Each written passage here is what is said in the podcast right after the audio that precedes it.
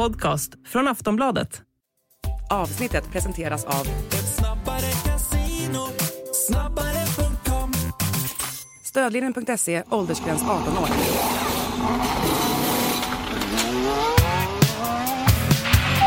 That was some fucking Viking comeback. Debris uh, behind. There's something strange with the engine. I need a new that.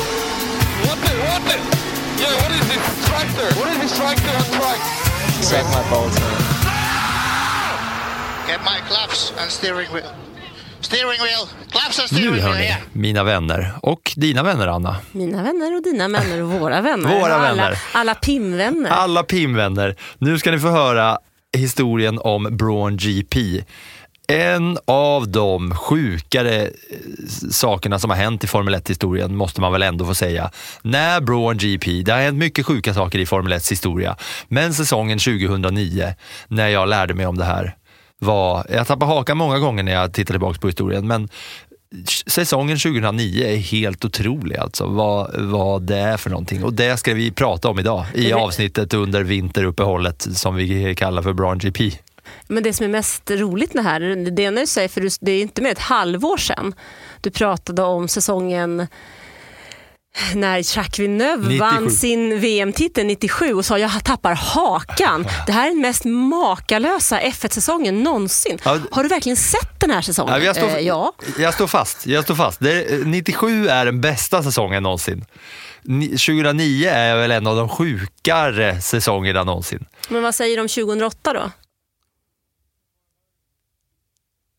Jo, eh, eh, med, all, med The Gate efteråt där. Ja, eh, inte på samma sätt som där. För här har vi... Eh, När, när det ändå är så att Lewis Hamilton vinner VM-titeln i sista svängen i regnigt eh, Brasilien och Felipe Massa är världsmästare egentligen. Men Timo Glock sladdar omkring. Vilket gör att Hamilton vinner titeln och Massa kämpar ju fortfarande för att få tillbaka den där titeln. Den säsongen är inte heller något fel på. Nej, och Abu Dhabi-säsongen mellan Lewis Hamilton och Max Verstappen är det heller inget fel på. Men det är något annat än det vi ser säsongen 2009. Det är något helt annat det som vi ska prata om idag. För här har vi ett team som inte fanns när säsongen närmade sig. Och det är ett team som på fabriken går och liksom letar buntband som ligger på marken för att de tänker att ah, men det där är värt eh, 3,5 cent och 3,5 cent är väldigt värda för oss. Varenda, man brukar säga varje korvöre matters. Det brukar man kanske inte säga, varenda korvöre matters. Men eh, liksom summa summarum, varenda krona eh, har en del att spela. Men här var det ju så. Braun GP. Och, och därför är den sjukare den säsongen än att vinna eh, världsmästartiteln i en viss kurva. För att här är det så många komponenter som vi måste liksom ta oss igenom från början. Så vi åker tidsmaskin tillbaks till året 2009 och när vi nu har landat i 2009 så ska du berätta för mig, vart är vi någonstans i Formel 1-historien? Ja, men vi är ju efter den här kurvan som Lewis Hamilton, eh, där han tar sin VM-titel 2008, eh, sin första VM-titel. Och vi är mitt i en ekonomisk katastrof över hela världen. Och det är inte bara Formel 1 som drabbas av den här. Även i rally-VM så drog sig fabriksteam ur. PG Andersson från Sverige som körde rally-VM då, han blev av med sin VM-styrning i den här ekonomiska kollapsen. Och Honda insåg ju att och de hade, Honda hade haft ett team i F1 med bland annat Jenson Button som förare. Och det var ett team som inte gjorde några större avtryck i F1-historien. De gick inte sådär jättebra. Men de hade värvat Ross Braun, då från, som hade varit teamchef hos, eller hade varit teknikchef hos Ferrari tidigare. Dynasti-Ferrari, the dream team Ferrari. Mm. Han hade slutat eh, sitt jobb hos Ferrari för att fiska typ ett år. Eh, sen kom han till, fick han jobbet som stallchef hos Honda. Och skulle göra där jobba tillsammans med Nick Fry som kom från business-sidan. Men Honda inser att vi har inte råd att driva det här F1-teamet. Det kostar alldeles för mycket pengar. Så vi lägger ner. Och då är det alltså finanskrisen 2008 där börserna bara råmegakraschar och som påverkar all världens ekonomi och en av de stora liksom, ekonomiska kriserna i modern tid.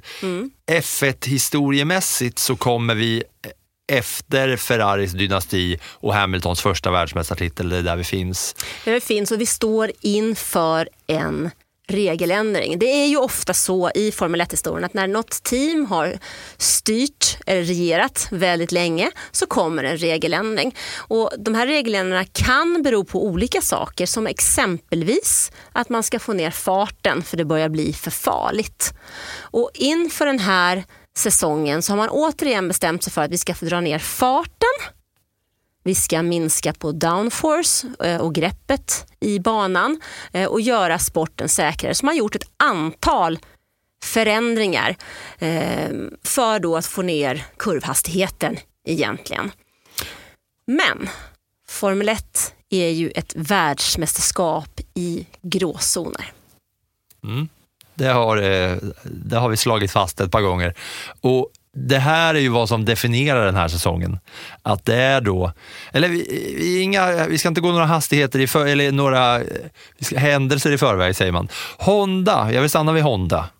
Honda är ju ett av världens största bilmärken och det är en mega eh, varumärke som då hade ett eh, Formel 1-team. Va? Ett ganska dåligt Formel 1-team. Ja, placera det i dagens datum.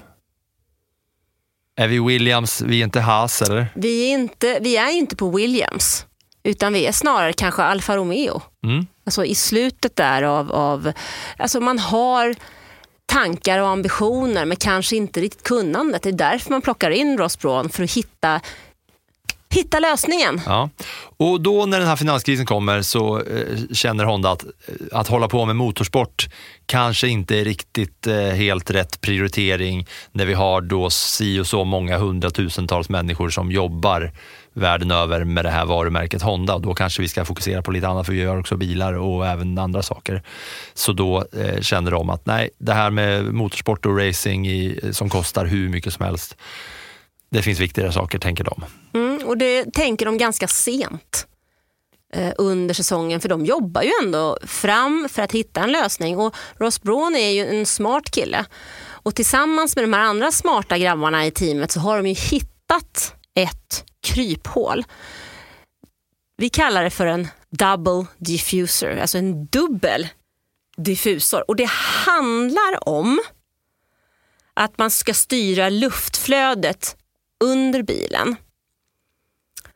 Och de använde sig inte av bara en diffuser utan av två diffuser.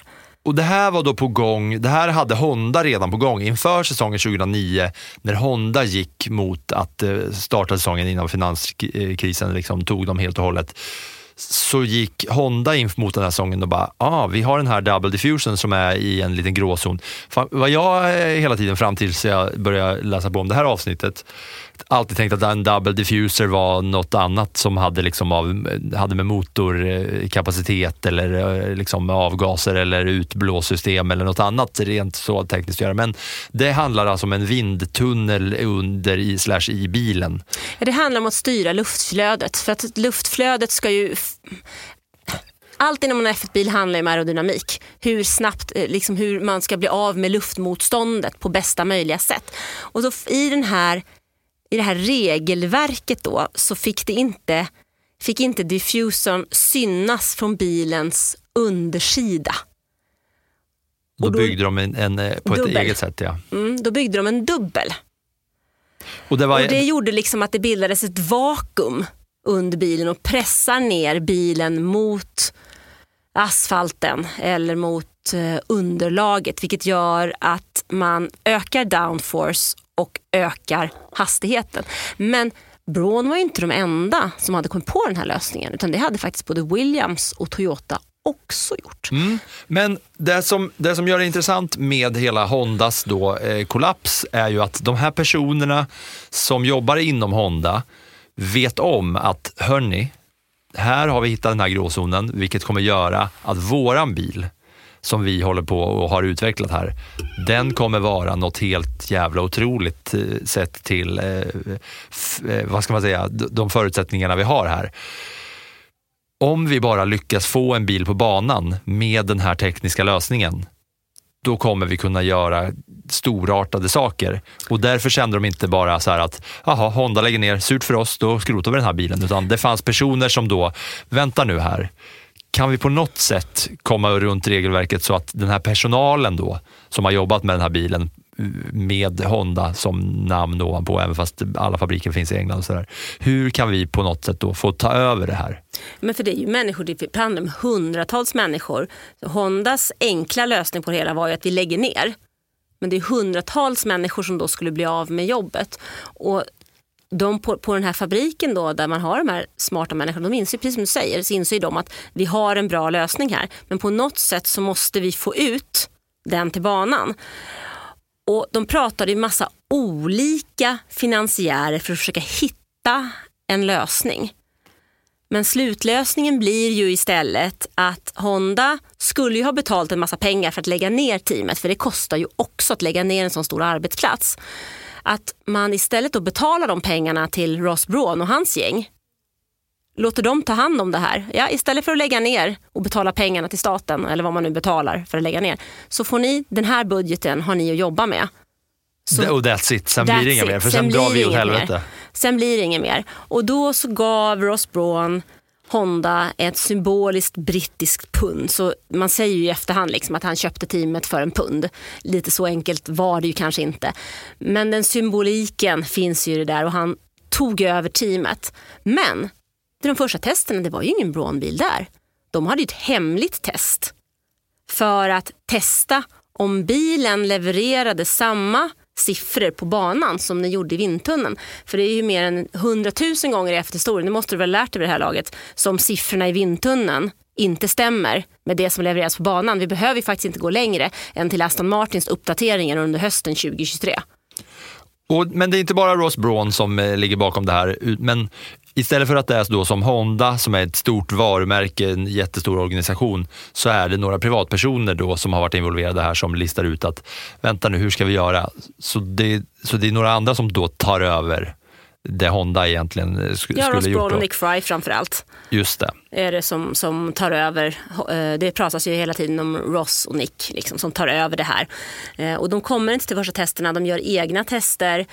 De, och Jenson But- Button har berättat för mig hur han liksom satt, körde iväg ut på banan där för att göra testerna. Och, du vet, och han menar på att så, ja, men som vanligt så känner man efter och talar om att Nej, men det här är inget bra. Det funkar inte, det är överstyr, det är understyr, nej, det funkar inte alls. Det saknas, nej fy. Och ingenjören kliar sig i huvudet liksom och menar på Jensson, du har gamla däck. Du är sna- näst snabbast av alla. De andra har testat hela vintern. Vi gör vårt första test. Typ, håll snattran och Just kör det, var det som var grejen. Att Jenson Button kommer ut där för att eh, de som, eh, eh bara ta mig på rätt sätt här, köpet är gjort för en pund, alla de här i fabriken de får jobba vidare. Tills något annat händer. De vet ju också om i det här läget att ja, vi har en bil som vi kanske kan göra ett test med och starta säsongen. Men de har ju ingen aning om säsongen räcker ett race, fem race eller 15 race. Det vet de inte för de har ju inga sponsorer. De har ju, det ser ut som ett legobygge när de kommer. Ja. De har liksom färre människor som jobbar med bilen än alla andra. Alla springer runt och gör liksom allting. Vi hjälps åt. Det är lite mullimäck över det hela. Vi skruvar och vi fixar och får ihop det här.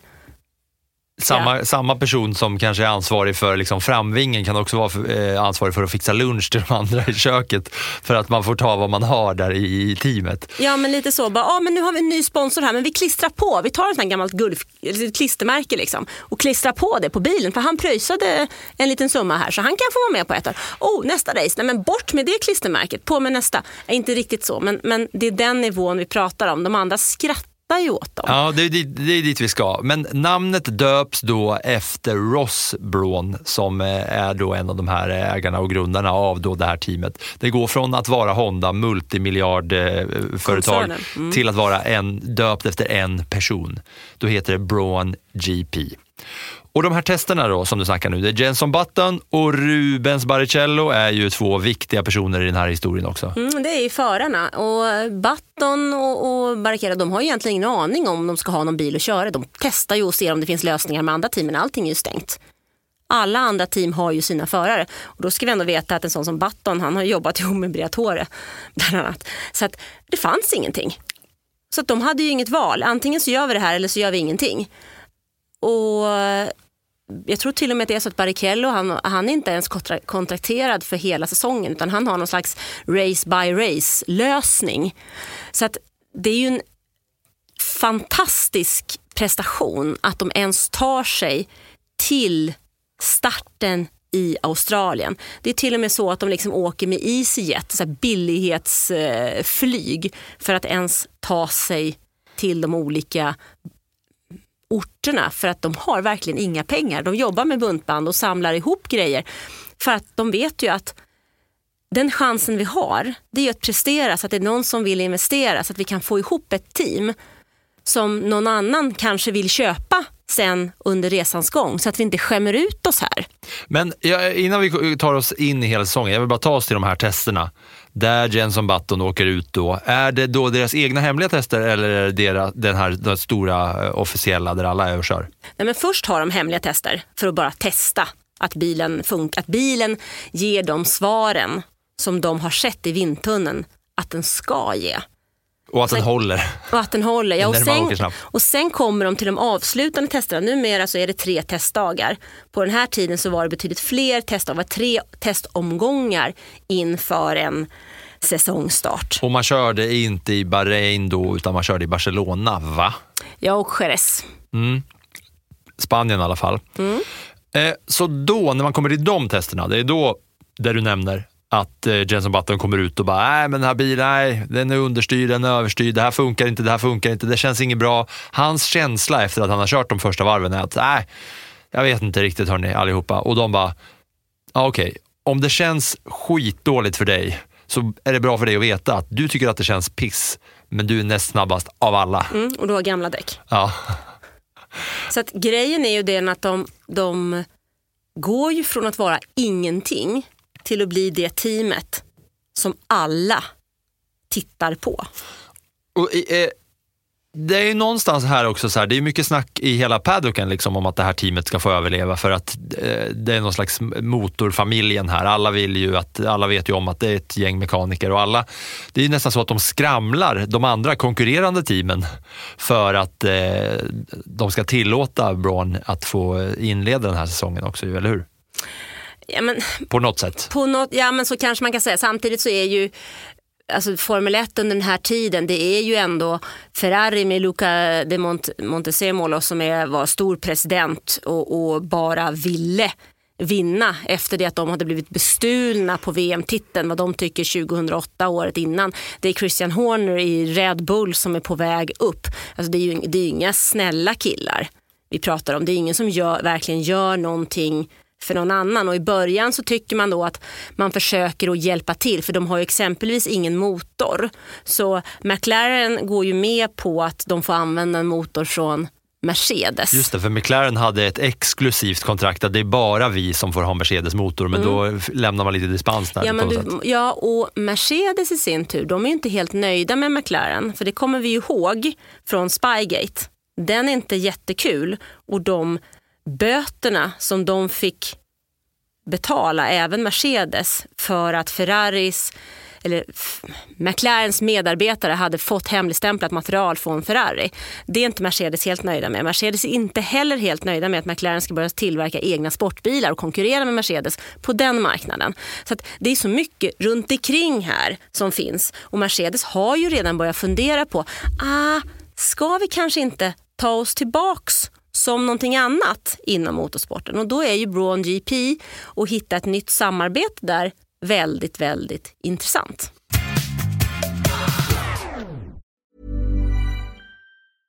Hey, I'm Ryan Reynolds. Recently, I asked Mint Mobile's legal team if big wireless companies are allowed to raise prices due to inflation. They said yes. And then when I asked if raising prices technically violates those onerous two year contracts, they said, What the f are you talking about, you insane Hollywood ass?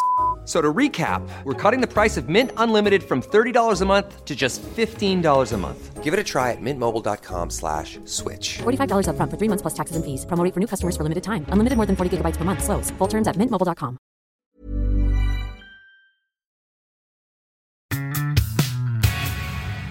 Och då kommer man in i de här testerna och alla då ser den här Braun GP-bilen. Alla andra Formel 1-bilar, de är liksom täckta från varenda millimeter med sponsorer och lappar och loggor för olika företag som ger dem pengar. Braun GP-bilen rullar ut och är kritvit och lite gul. Ja, men det var det jag sa, alltså, den ser ut som ett hemmabygge. Alltså en GP2-bil, det är inget folk i depån, de har ju inte knappt råd att köpa flygbiljetterna för att ta sig till Australien.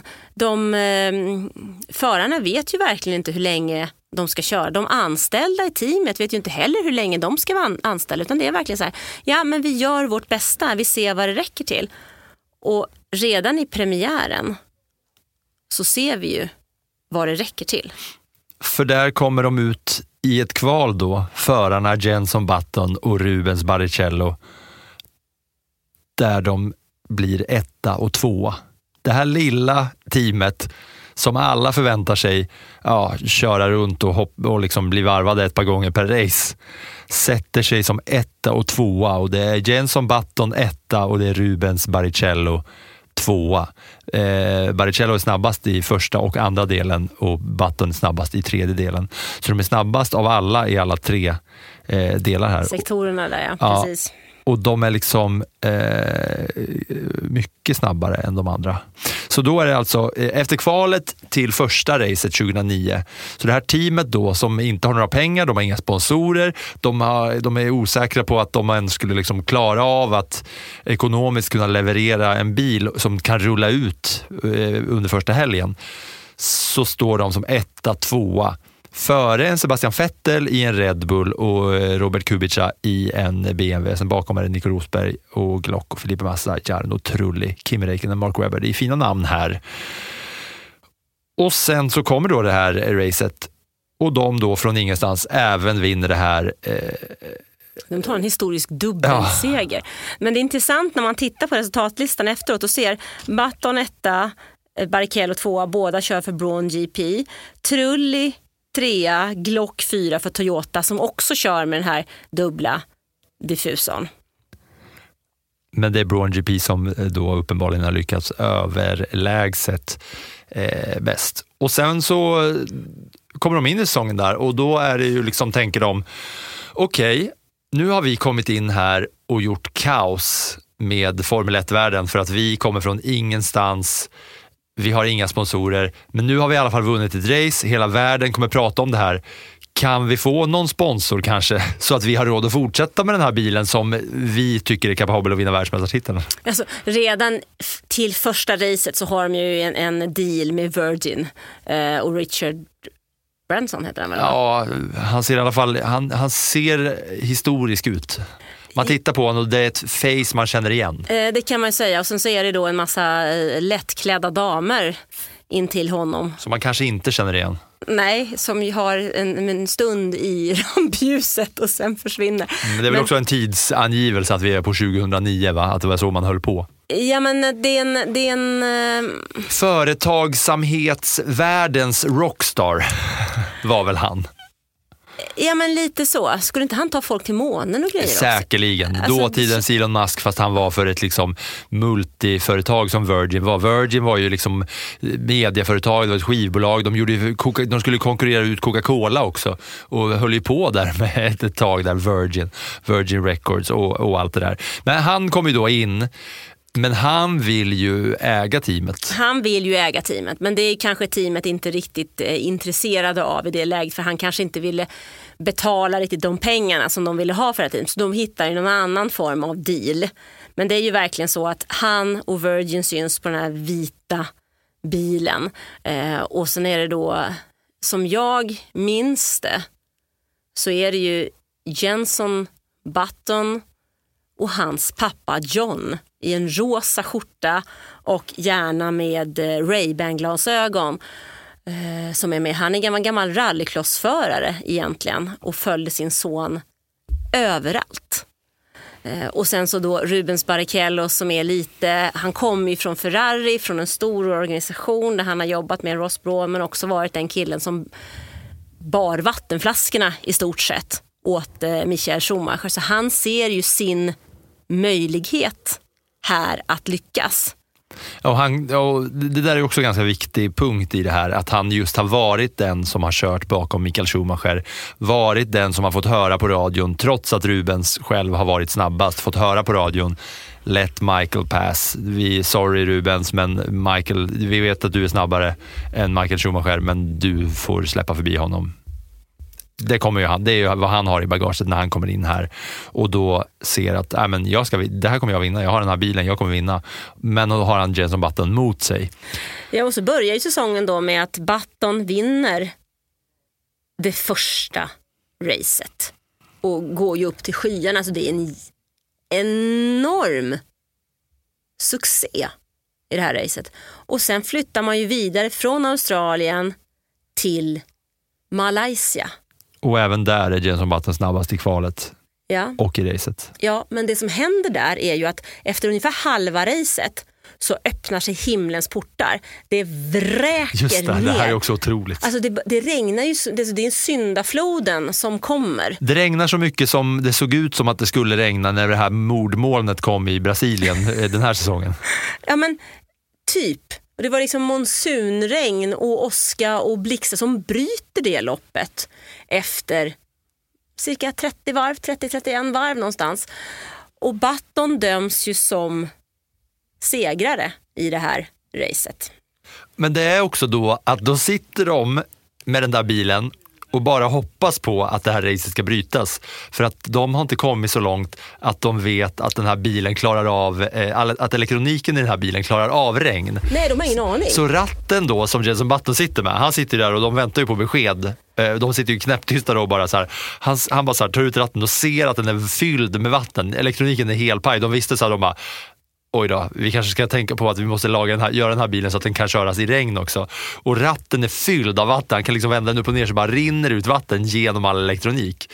Och då sitter de, om det där racet kommer att återupptas så är det ju kört för dem för att den där bilen går ju inte att köra när det regnar. Nej men det är nästan som man ser att här, står med ett litet paraply liksom, och försöker att skydda och någon står och häller en vatten, en sån här ice bucket challenge uppifrån och ner. Men det finns ju inte en chans. Men de har ju ren tur att racet bryts. Button får ju bara halva, hälften av poängen. Han får fem poäng då istället för tio. Men det är ju tillräckligt mycket för att Braun GP ska vara namnet på alla människors läppar. Mm. För även i kvalet där så är Button snabbast, men Baricello lite längre bak, så att eh, det är ju Button eh, vinner det här racet. Sen drar man till Kina och då har Red Bull vaknat lite till liv med Sebastian Vettel som är på uppgång. För att det, ju, det här är ju predecessor till Red Bulls då första eh, dynasti. Så det är ju liksom de här tre som det handlar om. Det är Button, Vettel, eh, Baricello som, eh, som man pratar om mest under den här säsongen. Eh, sen kör man i Kina eh, och det fortsätter ju gå bra. Och, det är väl Vettels första seger i Kina faktiskt? Ja, exakt. Första någonsin eller? Ja. ja. Nej, inte Vettels första någonsin. Nej, för, för den, tog han ju innan med Toro Rosso. Ja. Men det är Red Bulls första seger. Just det, som han tar med dem. Ehm, Jenson Button blir trea, Baricello fyra. Sen vinner Button nästa race i Bahrain, racet efter i Spanien, Spanien och så vinner han även i Monaco. Och Turkiet som kommer därefter, samtidigt som Rubens Barrichello då är tvåa. Mm. Och tvåa. Den här i Monaco är ju eh, lite intressant faktiskt. Eh, för att han parkerar bilen fel. När han ska parkera efter, efter att han har vunnit så har han ingen koll på var han ska ställa bilen. Så han får ju springa tillbaks till eh, prisutdelningen. Jag minns det här rätt bra för jag låg faktiskt på BB med min nyfödda dotter och såg det här eh, loppet på eftermiddagen där. Och han får ju, det blir som en hyllningskör när han får springa tillbaks. Det hade ju lika kunnat vara en Golgata men nu blir det verkligen sån här, det, det är sån där målgång som man verkligen minns. För att han, liksom, han kommer springande där som en vitklädd hjälte med den här, i den här fantastiska inramningen i en bil helt utan sponsorer. Och det var väl för då, då att de inte förväntade sig, de, kanske, de var så orutinerade så de bara så här, vart, vart, hur är det nu? Man ska, för det, man ska parkera bilen som etta, tvåa, trea där och man ska göra det på något ställe som är framför prinsen eller vad det nu är av Monaco, eh, den här rackaren. Albert med flinten. Men, och då vet de inte vart de ska göra det och de är euforiska att de har vunnit Monaco, vilket är ett legendariskt race att vinna. Ehm, så när vi kommer fram till Turkiet som är race 1, 2, 3, 4, 5, 6. Efter sju race så har Jenson Button vunnit alla utom ett. Då kom han trea. Och det är väl ungefär här som det rent, eh, det har ju såklart börjat, de andra stora bossarna har ju såklart börjat skruva på sig i, i depån Gissa. under tiden. Alltså vi, snackar tänkt- om, vi snackar ju om Horner, Flavio Briatore och Luca di Montezemolo. Börjat skruva på sig är väl kanske ett eh, snällt ord. Ja, det har väl börjat mullra bakom kulisserna och de här har ju liksom, om de inte var tunnhåriga innan så har de slitit sitt hår och blivit tu- tunnhåriga för att de har ju listat ut att det här det är något som inte står rätt till. Man kan inte komma från ingenstans och bara bygga en bil, följa samma regelverk som vi. Vi har de smartaste och bäst betalda ingenjörerna i världen. Hur kan de här komma och vara så mycket bättre än oss? Stora, stygga och sen då respektive bilmärke. Så det har ju hänt något här. Och ungefär här när vi närmar oss Silverstone, då har det liksom börjat få lite effekt. För att här har ju folk börjat protestera och lämna in papper till Fia och säga det här och det här och det här och hytter med näven och göra allt vad de kan på kostymnissebasis för att Braun inte ska få fortsätta vinna. Ja men sen så, det, det du nästan glömmer bort här faktiskt, det är ju att Ferrari, den här stormakten, de försöker ju hitta en väg ut. De börjar bli förbannade, inte bara på att de inte har hittat samma lösning. Det är ju samma, li, lite samma sak som nu eh, när Red Bull har en bättre lösning eller 2014 när Mercedes hade en bättre lösning. Men de börjar bli förbannade för inte nog med att de inte vinner. De tycker ju också att de inte får tillräckligt mycket pengar för att ha den positionen inom Formel 1 som vad de en gång, en gång har. Och du har en, en ledning i Formel 1 som styrs av Bernie Ecclestone som äger rättigheterna och av Max Mosley som är president i FIA. Det är två britter som styr allting och som ser till att Formel 1 får, och de själva naturligtvis, får pengar. Men teamen börjar tycka att de vill ju ha en större del av den här kakan och vi kan inte bli överkörda på det här sättet. Det här är inte okej. Så Ferrari börjar ju hota med att hoppa av. Och det här är också någonting som jag minns, för jag minns det så himla väl, för det var runt midsommar jag missar midsommarfesten det året för att Ferrari hotar med att lämna Formel 1. Det är en jättegrej. Ja, och det kan man ju också tänka. Eh, Jag gör den här jämförelsen många gånger. Tänk om det hade varit nu. Tänk om Ferrari hade sagt, nej, vi som liksom märke och team här, vi ska, vi, vi ska inte vara med, vi ska starta vår egen liga.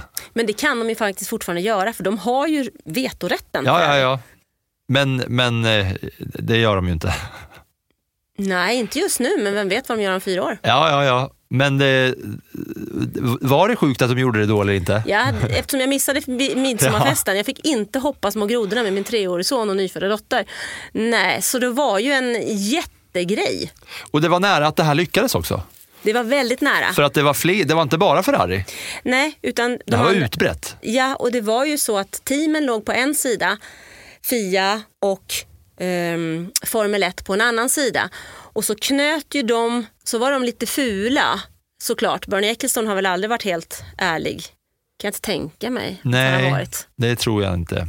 Nej, så han skriver någon slags kontrakt där med Braun så att de ska känna att de kan vara kvar i alla fall. Och det får ju de andra teamen reda på.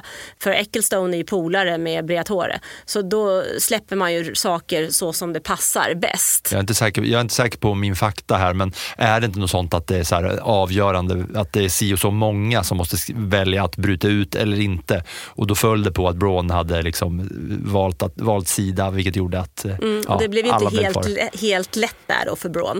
Men i slutändan Ja, Braun ville ju bara ha pengar för stunden för att fortsätta överleva och vinna den här världsmästartiteln. Egentligen hade de ju velat eh, skita i det. Egentligen så hade de ju velat skita i det och göra som resten av teamen men han hade ju inte något riktigt val egentligen för att ekonomin i det här läget var ju så pass dålig så att folk fick ju Ja, de fick ju inte betalt Nej. i teamet. Alltså det var ju, för hans del så handlar det verkligen bara om att teamet skulle överleva och så fick han väl något halvt löfte av Mercedes att vi finns där för framtiden om ni nu, nu rår hem det här.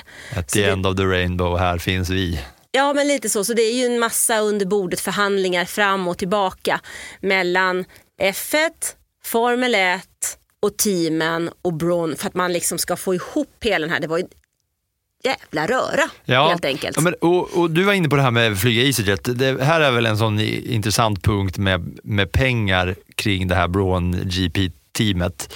Att de hade en kille som tankade. Alla team hade ju, man tankade ju på depåstoppen här och fyllde på bilen med.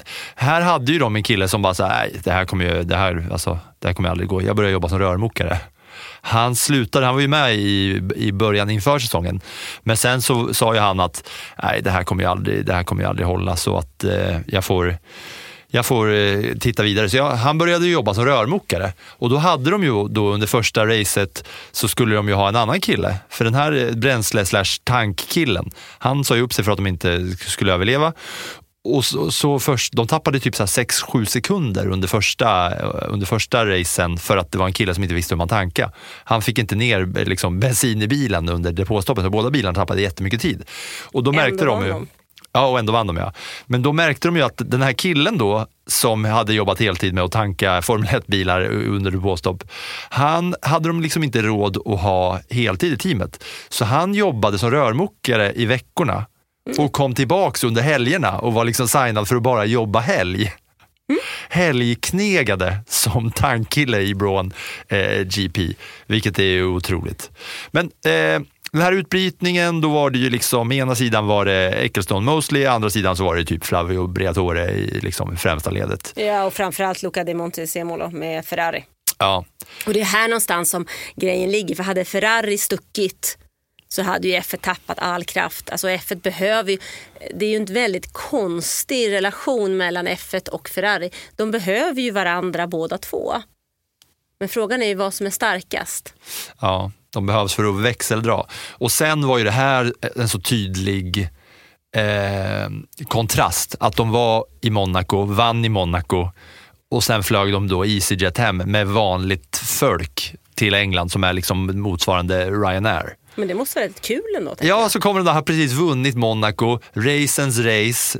Och, liksom, liksom. Ja, och så åker de hem så får de sitta liksom vanliga liksom, ekonomiklass där bredvid ja, någon eh, bakfull britt som ska hem till Yorkshire. Och, Mm, snacka om Gå på puben. folkets, folkets team. Liksom. vilket var lite coolt. Liksom. Eh, men här då, det är ju här det börjar vända. Eh, både att eh, alla de här teamen som då har lämnat in protester och jag vet inte om det är ordagrant är liksom rätt ord av mig att välja.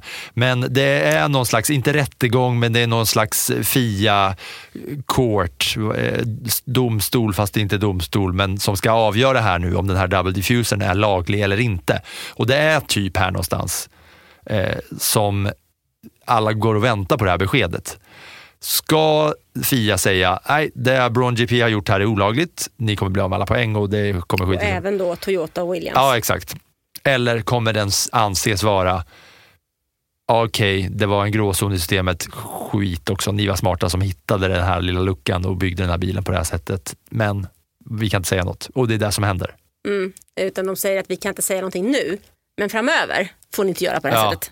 Och Det är en sån här vanlig FIA-lösning. Det är Ja. inte första gången. Nej. Och antagligen inte sista heller. Men där börjar det hända grejer också, eh, när man har kommit halvvägs in i säsongen ungefär, lite kortare, när man är i eh, Storbritannien på Silverstone. Va? För där i Turkiet så är det den sista segern som Jenson Button tar den säsongen. Han har ju känt hela vägen fram hit att här kommer jag komma från ingenstans och vinna. Jag kommer vinna världsmästerskapet i Formel 1. Från att ha varit, eh, liksom, inte ens veta att han skulle köra den säsongen. Och en Rubens Barrichello där bakom. Men här händer det ju grejer, för här eh, vänder det lite. Alla andra har ju börjat fatta det här double diffuser-grejen och har under hela säsongen börjat skruva på det. Så här börjar Sebastian Vettel vinna, eller han har ju vunnit lite tidigare också. Eh, Vettel vann ju där i Kina tvåa, fyra, trea och sen vinner Vettel och sen så vänder mästerskapet lite och Jenson Button, det börjar sätta sig i huvudet på honom för att sen är han sexa, femma, sjua, sjua DNF. Han kommer ju till Storbritanniens GP Silverstone som brittisk förare, leder mästerskapet till, det, till den tävling som betyder allra mest för honom själv. Där han har sett liksom Nigel Mansell vinna, han har drömt om den där dagen så på något sätt är det som att det blir nästan lite för mycket för honom och han börjar att tänka och tänka är ju inte alltid bra. Ibland måste man bara gå på magkänslan och nu kör vi.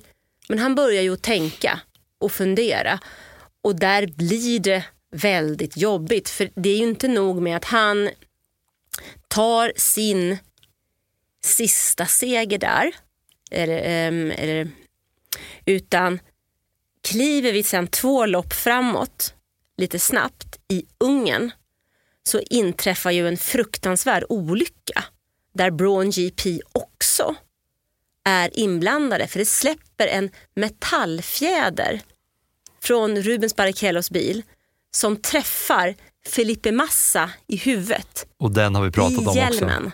Den har vi, vi har varit och nosat och nämnt eh, den där händelsen. Alltså på tv-bilderna ser man ju bara att det kommer någonting.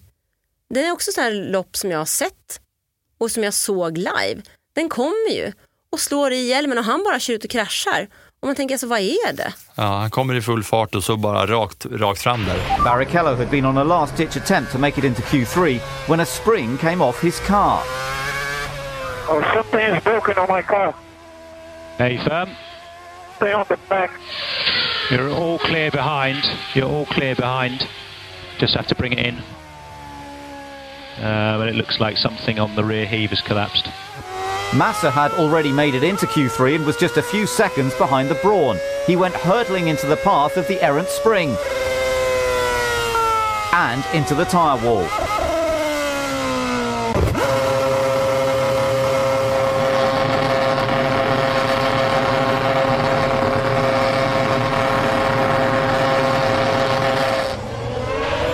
Och det, han blir ju direkt medvetslös där.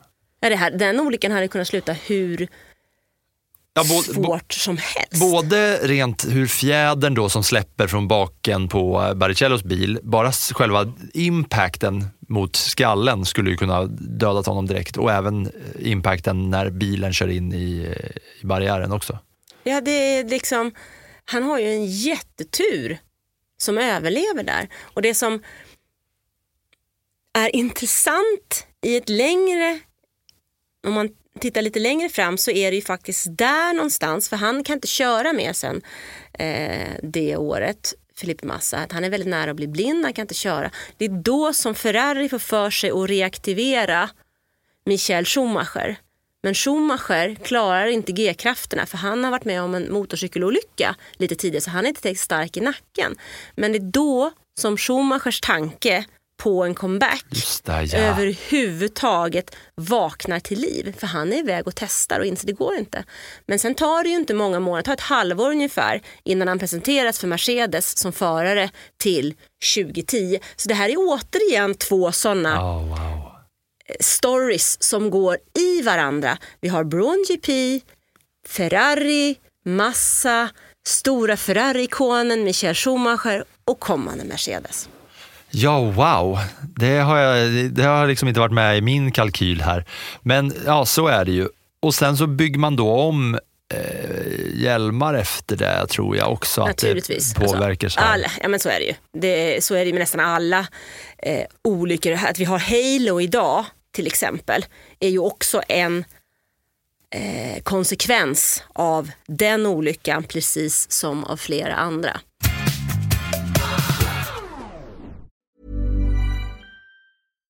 Millions of people have lost weight with personalized plans from Noom, like Evan, who can't stand salads and still lost 50 pounds. Salads, generally, for most people, are the easy button, right? For me, that wasn't an option. I never really was a salad guy. That's just not who I am. But Noom worked for me. Get your personalized plan today at Noom.com. Real Noom user compensated to provide their story. In four weeks, the typical Noom user can expect to lose one to two pounds per week. Individual results may vary.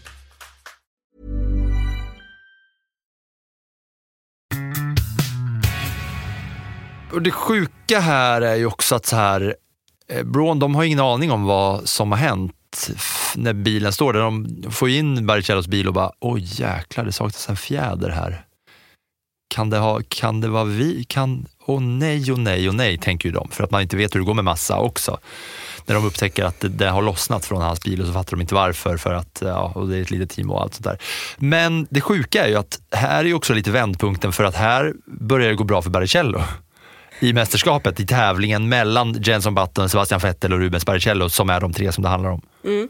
Ja, men det är ju så. Där får ju Barrichello, vars bil det var som släppte fjädern, han får ju någonstans här under sommaren, där, där ser man ju också hur mycket det mentala Alltså Button är på väg ner för att han var så högt upp och tänkte att det här löser sig gratis. Men ingenting i livet löser sig gratis, man måste ju jobba för allting. Och Barrichello som har varit nere, han ser ju en väg uppåt och han ser sina möjligheter och växer ju av allt det här. Och Ja, för Barrichello eh, eh, går i mål som tia det där racet i Ungern. han vinner ju kommande. Button sjua i Ungern, men sen så faller ju Button, han är ju fallit bak från Storbritannien och framåt, men sen vinner Barrichello och då tar, det är hans första seger den här Mm. säsongen. Han har ju legat bakom i en bil som han bara, oj den här bilen är mycket bättre än alla andra, men jag vinner inte. Nej, antagligen också en mental grej. För han vinner ju sen då, det är väl i Valencia som Europas GP körs, Eh, där Barrichello vinner eh, sin första seger i säsongens elfte race. Det här var en lång säsong, det var 17 race. Nu har vi, nästa år ska vi ha en, eller i år här 2024 har vi en säsong med 24 race. Så vi tyckte att den här var lång med 17. Ja, men ingen rikt, eh, lyckas riktigt komma ikapp den här lö- double diffuser-lösningen på samma sätt som det här pytteteamet eh, Braun GP gör. Men det är, så, det är så sjukt att det är också det är inte bara alla de här komponenterna och sen är det Jenson Button mot Sebastian Vettel utan när man, ju närmare man närmar sig säsongsavslutningen så är det Baricello mot Button också i samma team. Liksom. Och sen Vettel där som kommer så starkt på slutet. För då har ju Red Bull liksom hittat det och det får man ju facit på kommande fyra säsonger sen. Men det ser ju länge ut som att det ska bli eh, Baricello som vinner det här innan han får ett motorproblem och måste... Eh, eller om det är att han får punktering. Det är något i de här slutracen som Baricello går mot att få bäst placering av de här två, för Batten är på väg neråt. Innan eh, det vänder då och Batten placerar sig bättre än Baricello de två sista racen och avslutar den här säsongen som världsmästare med en bil som inte ens existerade innan säsongen började. Where is the champion in waiting? The last three laps just felt the longest three laps of my life. And now here comes Jenson Button, the 2009 world champion. Look at the relief, look at the joy. Jensen crossing the line to take the championship in Brazil was more of a relief for me. I so badly wanted him to win the championship.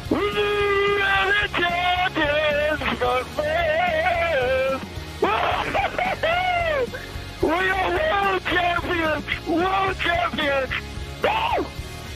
I felt good to, you know, to be the first one there. Uh, it wouldn't have been the same after he went through to see his his friends and his uh, family, and uh, so it was was very good. It was good to see so many grown men crying. It's special. Very special.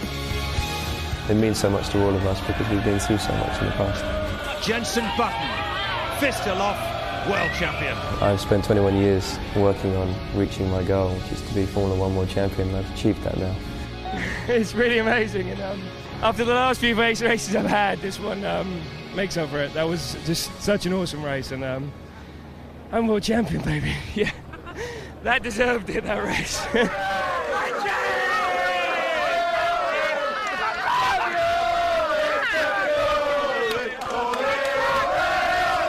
Jenson Button, Formula One world champion. It seems a bit mad. How does it feel? That sounds perfect. That sounds perfect. I mean, uh, the last few races, as you probably know, have been a bit stressful for me. um, especially qualifying. But um, I personally think that that drive was worth being world champ. It was, I can't even speak. Sum up your emotions if you can. Nej men den här historien har ju, den är ju egentligen, det är en Det är det som är så sjukt att det blir, också ett, det blir också ett klimax. Det är en saga och så kan man tänka sig, ja, men om man tittar på säsongen hur den börjar så ser det ut som att ja, ja, de kommer vara klara efter halva säsongen för att de vinner ju allting och är jätteöverlägsna. Men det blir också drama och klimax i avgörande i slutet av säsongen. Ja men det är. Sen så får också tänka på att det var ett helt annat poängsystem då än vad det är nu. Då fick bara de första åtta förarna poäng och en seger gav 10 poäng. Idag ger ju en seger 25 poäng och de första 10 får poäng och vi har dessutom sprintrace. Så det var en helt annan, helt annan tid med ett helt annat synsätt egentligen på Formel 1 och det är ju så mycket, det är ju så mycket runt omkring under den här säsongen också tänker jag med 2009 ehm, efter den här ekonomiska kollapsen, McLaren som gör en riktigt, riktigt dålig säsong efter att ha varit världsmästare året innan. Det är ju faktiskt så att, att eh, Hamilton tar bara två segrar som regerande världsmästare. För att de har helt kalkylerat, bilen är ju nog det sämsta han har kört innan han satte sig i Mercedes. V13 och V14. Ja, precis. Så är det nog det sämsta han har kört. Liksom.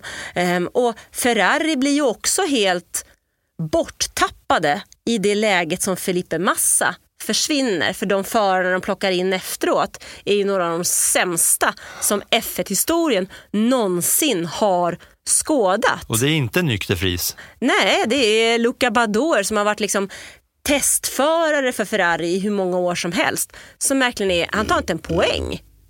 Han är urusel. Och den här världsmästartiteln då är ju för ett team som har i princip gått på knäna men ändå flugit fram eh, samtidigt. Det är Jenson Button etta, Vettel blir tvåa, Baricello blir trea. Braun GP, de vinner också konstruktörsmästerskapet. Och vad händer sen? För sen kommer eh, stora, starka, visa musklerna och säger, hörni, vi, här får ni." Löften ska Ja, hållas ja. säger man som tysk va?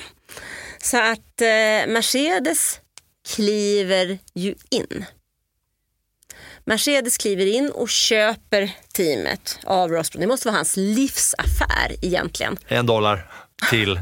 En, han köper det för en pund och sen så säljer han det till Mercedes och han får dessutom stanna kvar som eh, stallchef i det där teamet. De värvar Nico Rosberg från Williams och eh, Michael Schumacher återaktiveras i teamet för att bygga upp någonting då 2010. Sen tar det ju ett antal säsonger ända fram till 2014 innan Mercedes verkligen har en bil som slåss om en VM-titel. Men målsättningen för Mercedes är ju hela tiden att göra det här till ett vinnande team. Och Mercedes återfinns ju nu i Brackley, i, det, i den fabrik som Braun och som Honda hade. Och det är flera medarbetare som var med under den här tiden hos Braun som faktiskt fortfarande finns hos Mercedes. För det Mercedes som vi känner idag kom liksom ur, det är som fågel Fenix reste sig ur askan från Braun GP skulle man kunna säga. Grunden till den Mercedes vi känner idag är Braun GP som startade den här säsongen.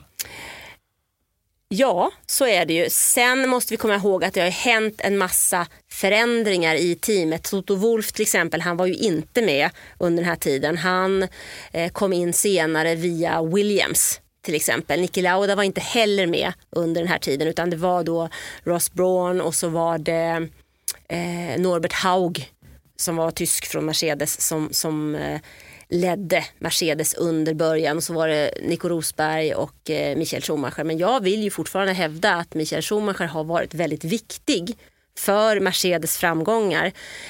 Inte för de resultaten han levererade på banan men för den struktur och för det arbete som han förde med sig in i det teamet. Så man lärde sig att jobba så som man sen gjorde för att vinna alla de här VM-titlarna under, eh, från 2014 och framåt. Mm, vi börjar med det här avsnittet så sa jag att det här är den sjukaste F1-säsongen eh, någonsin och efter att ha pratat om den så här så känner jag, ja så är det. Det befäster ännu mer min tanke att det var så. Den är otrolig den här säsongen. Ja men det är den. I modern F1-historia är det nog en av de Den har så mycket. sjukare. Ja men den har sen så tänkte jag också det, jag nämnde Luca Bador där som fick kliva in för Ferrari. Han var så dålig så de värvade Giancarlo Fisichella för att köra i slutet av säsongen. Men, men Ferrari rasade ju fullständigt samman egentligen efter det där. Och frågan är ju, höll jag på att säga, om de har hämtat sig än idag. Vi kan dra lite namn här bara. Det är lite roligt innan vi avslutar det här eh, avsnittet bara hur det gick den här säsongen när man tittar på mästerskapet. Det är alltså Batonetta, Vettel tvåa, sen, sen Rubens Barrichello trea. Sen har vi även andra kombatanter, Mark Webber, Lewis Hamilton, Kimi Räikkönen, Nico Rosberg, Jarno Trulli, Fernando Alonso, Timo Glock, Felipe Massa, Heikki Kovalainen, Nick Heidfeld har vi pratat om flera gånger förut också, Robert Kubica, Fisichella, Eh, Adrian Sutil också är ett namn som vi har pratat om några gånger. Eh, Nelson Piquet Junior. Oj, oj, oj, oj, oj, ja. Romain Grosjean kommer in här efter halva säsongen också och, och tar några 15 och 16 platser. Ja, det är ju en otrolig säsong som vi lämnar er med där. Och notera att i säsongen 2024 så finns Fernando Alonso och Lewis Hamilton Ja. med på startlinjen och de var faktiskt med och högst delaktiga i den här säsongen 2009 också. Ja, det är otroligt. Det har vi. Tack eh, för det här avsnittet alla ni som eh, hängt med i tidsmaskinen till 2009. Nu kan ni ta tidsmaskinen tillbaka till dags datum. Tack för att ni är med oss.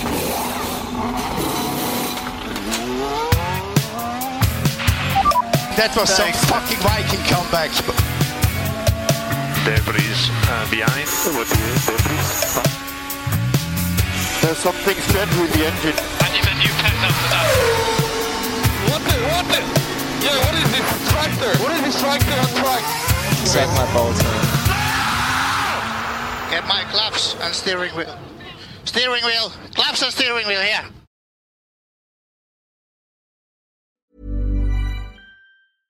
Selling a little or a lot? Shopify helps you do your thing however you cha-ching. Shopify is the global commerce platform that helps you sell at every stage of your business. From the launch your online shop stage to the first real life store stage, all the way to the did we just hit a million orders stage. Shopify is there to help you grow. Shopify helps you turn browsers into buyers with the internet's best converting checkout. 36% better on average compared to other leading commerce platforms because businesses that grow grow with Shopify. Get a $1 per month trial period at shopify.com/work. shopify.com/work.